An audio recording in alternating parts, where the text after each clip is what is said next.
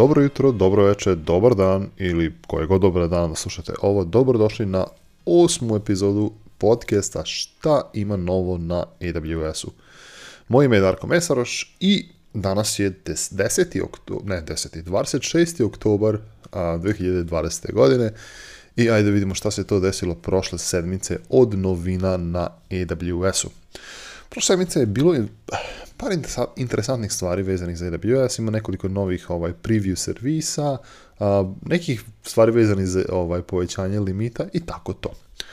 Um, što se tiče ostalih stvari prošle sedmice, nije bilo nikakvih velikih eventova, barem ne sa moje strane, ali ove sedmice, tako, eh, ako, ste, ako ste budni po australijskom vremenu, sutra, znači 27. oktobra i 28. oktobra u australijskom vremenu, eh, ima eh, ima serija webinara um, od lokalnog tima koje, se fokusiraju na resiliency i chaos engineering. Tako da ako, ako vas interesuje kako da napravite da vaše aplikacije budu otporne, da sprečavate probleme koje ulaze u, u, ovaj, u, u produkciju. Ovaj. Možete se registrovati na linku dole, iako možda nećete imati vremena da prisustvujete ili će vam biti jako nezgodno zbog ovaj, vremenske razlike, da prisustujete uživo tim predavanjima. Ako se registrujete, dobit ćete snimke tih predavanja. Zašto to kažem? Jedan od tih predavanja su moja. Ja, ja ću držati jednog kratko predavanje na temu ovaj, bezbednog eh, deploya softvera u produkciju. Znači, kako da pravilno testirate vaš softver i kakve, um, razne stvari možemo da gledamo prilikom testiranja softvera ovaj, u našem pipelineu. Nego mi da počnemo sa novinama danas. malo više od mjesec dana do reinventa, tako da polako se dešavaju neke stvari, polako se dešavaju novi servisi koji su potencijalno malo veći, odnosno deo našeg pre-inventa. Jedan od tih servisa je, to jest ovo nije više servis, ovo je novina vezana za Kubernetes, odnosno više bi to nazvao neko parče softvera koji se zove, zove AWS Load Balancer Controller. On je dostupan na GitHubu i nekada se zvao ALB Ingress Controller. Tako da je, ovaj, Ukolom to je um, kontroler za vaše Kubernetes klastere koje vam omogućuje da, da pojednostavite operacije i e, smanjite troškove e, korištenja application load balancera e, kroz više aplikacija na vašem Kubernetes klasteru. Ovaj, I također vam omogućuje da koristite network load balancer, network load balancer um, tako kako bih mogli da, da ciljate podove koji trče na AWS Fargateu. Znači, eto, ako, ako imate e, Kubernetes klaster koji trči na AWS-u i želite se baviti load balancerima, malo sa njim i da omogućite i um, ehm, network load balancer, to jest e, podršku za network load balancer, uh, savjetujem da pogledate AWS load balancer controller, e, link će biti dole u opisu emisije. AWS Data Sync, odnosno Data Sync, odnosno sinhronizacija podataka je a, servis koji vam pojednostavljuje transfer podataka između jel, vaše, vašeg e, lokalnog data centra i AWS-a. To je bukvalno jedan mali appliance, virtualna mašina koja vam trči u vašem data centru i ima pristup vašem vašem storage i omogućujem da, da, da na jednostavan način kopirate lokalne podatke unutar clouda, to je bilo gde, jel? I šta je novina vezana za datasync je novina da, da je jednostavno pojednostavljen inicijalni setup samog klijenta lokalno. Jednostavno, mnogo je lakše da, mnogo vam je brže da polisite agenta, mnogo vam je lakše da testirate konektivnost između vašeg data centra i clouda. Amazon Redshift, naš data warehousing solution, imam, imam, osjećaj da svake sedmice ima nešto novo vezano za Redshift. E, novina ove sedmice je, nije nešto pretarano velika, ali može biti bitna za ljude koje imaju veoma kompleksne i long running e, ove kverije. Um, mogućnost uh, odnosno, kako bih rekao skedžulovanje? Um, e, zakazivanja, zakazivanja, zakazivanja kverija na, na, na, na tako da možete da, da, zakažete određene kverije da rade u određeno vreme putem uh, event bridge-a. Tako da ako imate ono, long running query ili, ili query koji moraju se odraditi u specifičnom vremenu, sad možete da odradite, odradite to zakazivanje putem event bridge-a. CloudFront. CloudFront je jel, svačiji omiljeni content delivery network od strane AWS-a, a ima novi feature, odnosno novu, novu, jednu, jednu veoma interesantnu novinu. Zove se um, Amazon CloudFront Origin Shield. Um, Origin Shield je centralizovani caching layer za CloudFront. Sad, vjerojatno se pitate, pa čekaj, zar nije CloudFront već caching layer? Da, ali ovo je caching layer unutar caching layera. Bukvalno služi da imamo jednu centralnu tačku koja stoji ispred origina za ostale delove naše content delivery networka. Zamislite ovakav, primjer, da imamo globalni CDN na, više lokacija i korisnici sa više strana pristupaju našem, našim podacima, jel? E sada, ako se određeni deo vašeg sadržaja invalidira u jednom regionu, pa u drugom regionu, pa u trećem regionu, sva ta tri regiona će zahtevati od origina, od izvora, od vašeg web servera, od čega god, zahtevat će novu verziju tog podatka, bez obzira što su, jel, na kraju krajeva, svi oni isti, ovaj, svi oni ista verzija.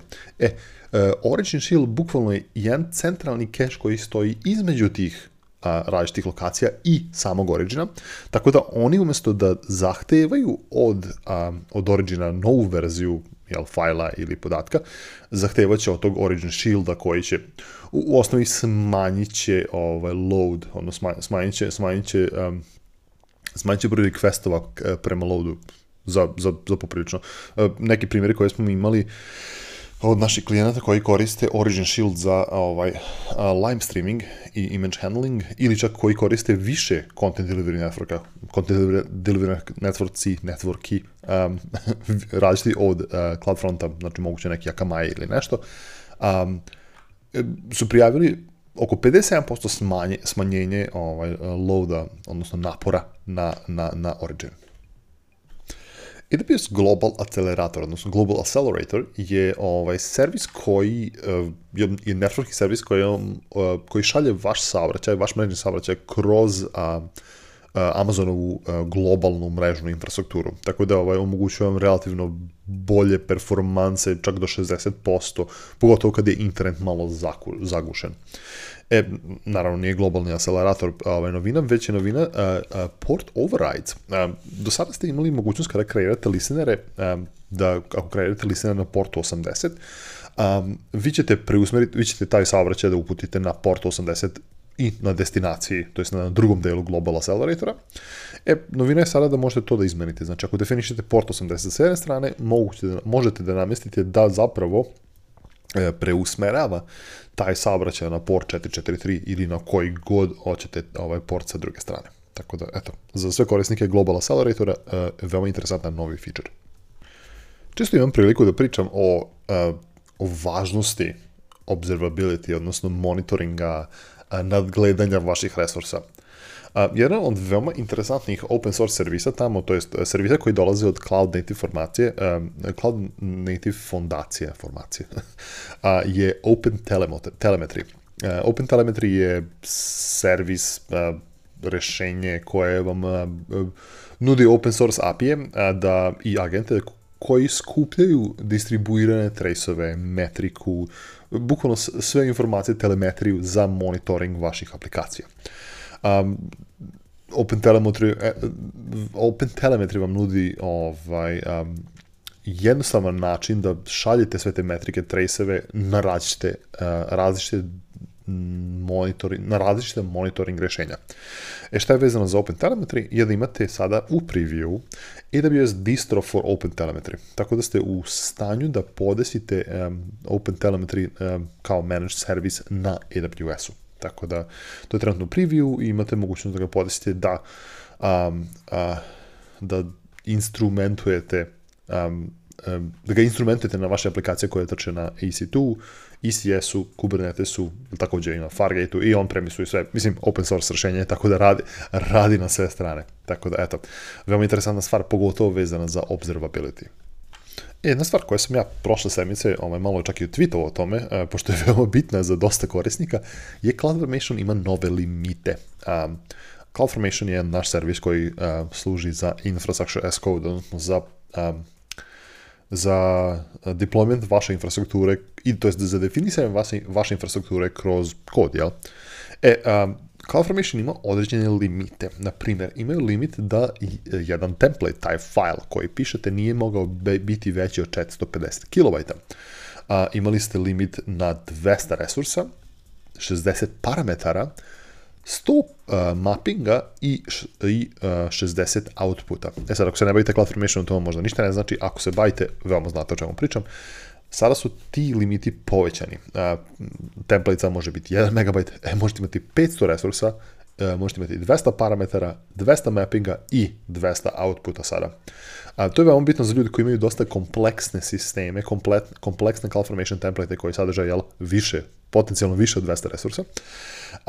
mada, ja bih više ovaj, se više bi e, razgovarao o tome da ako već imate negdje blizu 500 resursa u jednom Cloud Formation templateu, um, možda bi bilo bolje da popričamo o tome, pošto e, refaktoring vašeg templeta bi možda bila pametnija stvar, um, ako je to izvodljivo, pošto 500 e, resursa u jednom templateu je malo preveli CloudFormation template za, za, za moj ukus. Amazon Kendra. Amazon Kendra je naš ovaj, servis koji koristi jel, machine learning kao puno stvari ovaj, za search. A relativno skup servis, mislim da košta 4000 eura mesečno, da je to, da je to flat e, ovaj, cena i koristi natural language processing da bih radio search. Bukvalno Kendru možete koristiti na, na način koji ćete, pitat ćete neko pitanje, hej, koji je glavni grad XY, jel? I Kendra, ako ima taj podatak negde u svoj, svom, ovaj, eh, u, u svojim search izvorima, a, eh, reće vam tačno što ste pitali. A, novina vezana za, za Kendru je to da podržava custom data source, odnosno izvore podataka koji su jel, eh, totalno mogu biti šta hoću. Do sada su postoje kao neki postoje native izvori, e, to jest native konektori kao što su S3, RDS, SharePoint, OneDrive i ServiceNow. E sad imate podršku, e, imate podršku da uvedete jel, bilo kakav izvor izvor ovaj um, podataka da da ga searchujete putem kemere. AWS Amplify, um, omiljeni servis puno ljudi, odnosno omiljeni, omiljena grupa stvarčica puno ljudi je fantastičan način da, da podesite vašu serverless aplikaciju, pogotovo ako se bavite nekim jezicima kao što su React ili Vue ili, ili ovaj, jel, frontend, da kažem, jezicima. A, jednostavno divan način da podesite vašu, servis, vašu, vašu serverless aplikaciju ono, from the get-go. Um, jedan od problema koji je postojao kod, kod Amplify je da da obično zahteva da sve kreirate od nule, jel? Znači, uključujući i baze, i, i, i, i, i hosting rešenja, znači neke bakete, i Cognito kognito za autentifikaciju i tako to. E, novina prošle sedmice je to da možete da importujete već postojeće kognito pulove. Kognito je um, aws rešenje za za autentifikaciju, jel? možda da kreirate korisnike u kognito pulovima koji će da jednostavno se autentifikuju na vaše, na vaše AWS aplikacije do sada niste mogli da ga importujete, svaki put ste morali da kreirate novi Cognito Pool za vašu Amplify aplikaciju, što je potencijalno problematično, jer ne želite svaki put da zovete klijente da se ovaj, registruju na nešto tamo treće, tako da sada jednostavno sa komandom Amplify import auth možete da importujete već postojeći Cognito Pool. AWS Step Functions, odnosno naš, naš State Machine servis, je fantastičan servis koji vam omogućuje management, odnosno orkestraciju nekog workflowa, veoma kompleksnog workflowa sa različitim servisima, sa lambda funkcijama, sa ko zna čime, jel? Um, nova integracija, to je nova, nova funkcionalnost step funkcija je integracija sa Amazon Athenom. Athena je naš servis koji vam omogućuje da radite SQL query na podatke koji stoje u vašem data lake kao što je u, na, jel, na S3-u. Tako da možete sada da, pravite te workflowe koji se koji mogu da kveriju, odnosno da, da pretraže podatke na nekim vašim data Amazon SNS, odnosno Simple Notification Service, je naš public sub, e, to je naš pub sub messaging service. E, od prošle sedmice novi feature je to da možete da neblujete FIFO, odnosno first in, first out. Šta to znači? Znači da možete tačno da odredite, to je da, da, da procesirate poruke koje su dobijene u SNS jel, ili, ili primljene od strane SNS-a u, tačnom, u tačnoj sekvenciji, u tačnom, tačnom rasporedu kako su se desile, jel? Ovo je veoma interesantno za neke aplikacije koje a, im ja, kojima je potrebno striktno, striktno sređen, odnosno striktno uređen ovaj, redosled dobijenih istih ovaj, poruka. Tako da, recimo kao što su nešto bankovne transakcije, to jest logovanje transakcije u bankama, a, berze, letovi i tako. Tako da je veoma interesantan feature koji je do sada bio dostupan unutar AWS SQS-a, odnosno Simple Queue servisa, sada je dostupan i na Amazon SNS-u. Amazon, to jest portingassistant.net. Portingassistant.net je paket, odnosno alat koji vam omogućuje, to je koji vam pomaže da portujete aplikacije za .NET framework u core format, znači, znači u koristeći .NET Core, odnosno ako želite e, na open source verziju isto. taj alat je veoma interesantan za sve ljude koji bi htjeli da migriraju sa jednog frameworka na drugi šta je novina vezana za Porting Assistant je to da je Sara open source. Tako da ako vas interesuje ovaj, da malo više pogledate kakav je taj Porting Assistant, šta radi i kako radi, ovaj, dostupan je na GitHubu, a link kao za dosta drugih stvari bit će dostupan u opisu emisije. I na kraju, ovaj, ostale su još neke sitnice i regionalne ekspanzije, a ajde ako da prođemo na brzaka. Um, Amazon Keyspaces, uh, to jest Apache Cassandra, fully managed Apache Cassandra na AWS-u, sada možete da uh, pristup uh, ovima putem privremenih kredencijala. Tako da koristite SDK za Python, Golang i Node.js, to jest ako koristite drivere za Python, Golang i Node.js za Cassandru, možete da koristite privremene ključeve. Um, dve novine vezane za AWS Systems Manager, odnosno tačnije Systems Manager Session Manager, je ovaj odličan servis koji vam omogućuje da, da pristupite vašim resursima jel, kroz simulirani SSH, odnosno koristi eh, Systems Manager agenta da simulira SSH konekciju putem zapravo porta 443. Um, takođe podržava i port forwarding, znači možete da preusmerite portove sa te lokalne mašine za nešto na drugu lokalnu mašinu, tako da ako koristite to recimo imate bazu podataka koja radi na EC2 instanci i želite da pristupite toj bazi podataka, iako ona ima ograničenje samo na localhost, putem port forwardinga možete da pristupite tome. E, šta je novina vezana za to? Je to da podržava simultane konekcije, odnosno može da koristi više simultanih konekcija, što u osnovi omogućuje mnogo bolje performanse prilikom port forwardinga, tako da ako port forwardite više aplikacija putem systems managera, a, mnogo bolje to sada radi. A, također kada koristite session manager, jedna novina od prošle stranice je da možete da definišete shell profile, odnosno možete da kažete koji tačno shell da pokrene prilikom logovanja. Do sada je uvek pokrećao bin sh, odnosno običan shell, a sada možete to da malo izmenite. E, sad šta još ima novo? Lambda, Lambda od sada podržava private link, tako da odlična stvar za ovaj, malo veće a, zatezanje VPC-ova. A rbs Batch, naš servis koji omogućuje da, omogućuje da, da, da imate neke batch jobove, odnosno batch processing, a, e, podržava a, podesive job retrieve, odnosno ponovne pokušaje. E, sve možete da podesite kako i kada da ponovo pokuša te, te jobove, zavisnosti od exit kodova prošlih. Amazon QLDB, odnosno naš Quantum Ledger Database, naš, blok, naš blockchain rešenje, naše kockolanac, rješenje, rešenje, ima, ima od sada Go tako da ako pišete vaše Golang aplikacije imate, imate mogućnost da koristite Amazon QLDB. Amazon Managed Streaming for Kafka, odnosno MSK, podržava Kafka 2.6, podržava Kafka 2.6.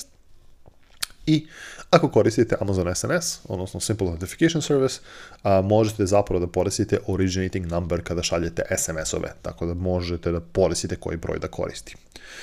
I za kraj, malo regionalne ekspanzije, Amazon Textract, znači naš machine learning servis koji radi jel, izvlačenje teksta, je dostupan u Seulu i u centralnoj Kanadi. CloudWatch Logs Insights je dostupan u Osaki, Um, Backup i SageMaker uh, su od prošle sedmice dostupni u Cape Townu i Milanu. Uh, AWS App Mesh je dostupan u Milanu od prošle sedmice. Um, uh, Simple Email Service, uh, koji, ja sam, malo sam bio iznenađen, uh, je od prošle sedmice dostupan u Milanu, Severnoj Kaliforniji, Parizu i Stokholmu. I konačno, Kinesis Data Analytics je dostupan u US West Kaliforniji. Pa, to bi bilo to što se tiče ove sedmice, a eto, ništa, samo da vam kažem da se registrujete za Reinvent, znači Reinvent počinje 30. novembra, što je za malo više od mjesec dana, a link će biti opet dole u opisu emisije. Registrujete se, bit će baš puno predavanja, evo ja sam svoje dva završio, upravo sam juče završio jednu prezentaciju, um, E, moja prezentacija ta koju sam jučer radio je na temu automatizacije operacija. Tako da ako vas interesuje kako možete da automatizujete e, operacije u AWS-u putem AWS Systems Managera, pisanje tih SSM dokumenata, a obavezno provjerite, ovaj, obavezno se registrujete za, za eh, AWS reInvent, besplatan je, bit će online i bit će dostupan od 30. novembra do 18. decembra. Tako da, ovaj, eh, možda se i tamo vidimo i slušamo. Eto. Eh, ah, ne, znam, ne znam da ste primijetili, ako ste ikad gledali moje prezentacije, to je veoma interesantno za vas, ljude iz našeg regiona, jel? A, ja često u naše prezentacije, u, u moje prezentacije ubacim neki, neki easter egg na, naš region. Obično to bude u, u vidu nekog, nekog citata iz Alan Forda ili tako nešto, nešto što bi tako, eto, ne bi imalo puno smisla strancima, ali ovaj, a, eh, ko zna primetit će. Tako da ovaj, ako, ako možda pratite pažljivo moje prezentacije za, na Reinventu, možda negde vidite i neki, neki sniki eh, citat Alan Forda. Eto, to bi bilo to. Ove sedmice ja ću malo se bavim. Ne znam ja šta ima moje sedmice. Eh, šta se dešava za mene? ja sam mislim imam neku, imam neku, neku prezentaciju u Rumuniji, nešto na temu AI i machine learninga, o da, tako, tako, također što sam rekao, sutra 27. i 28. oktobra u Australiji će biti moje predavanje na temu testiranja softvera, tako da ako vas to interesujete, okačit ću link dole. I tako, ovaj, nadam se ću imati priliku da, da malo dodatno streamujem ili da snimam neke videe, pošto, jel, to sad mora da se radi. E da, da, da prošle sedmice sam također snimio ovaj, još jedan YouTube video a, na temu CloudFormationa i to sam snimio ko, ko, ko pravi ovaj, u šumi. Tako da okačit ću link za to dole u opis emisije. A, još jednom, hvala vam lepo. Moje ime je bilo Darko Mestaroš, nadam se da ste uživali u ovoj epizodi i ništa, svaki ponedjeljak u isto vrijeme se čujemo. tako da, eto, hvala vam lepo i prijatno nedljivom želim.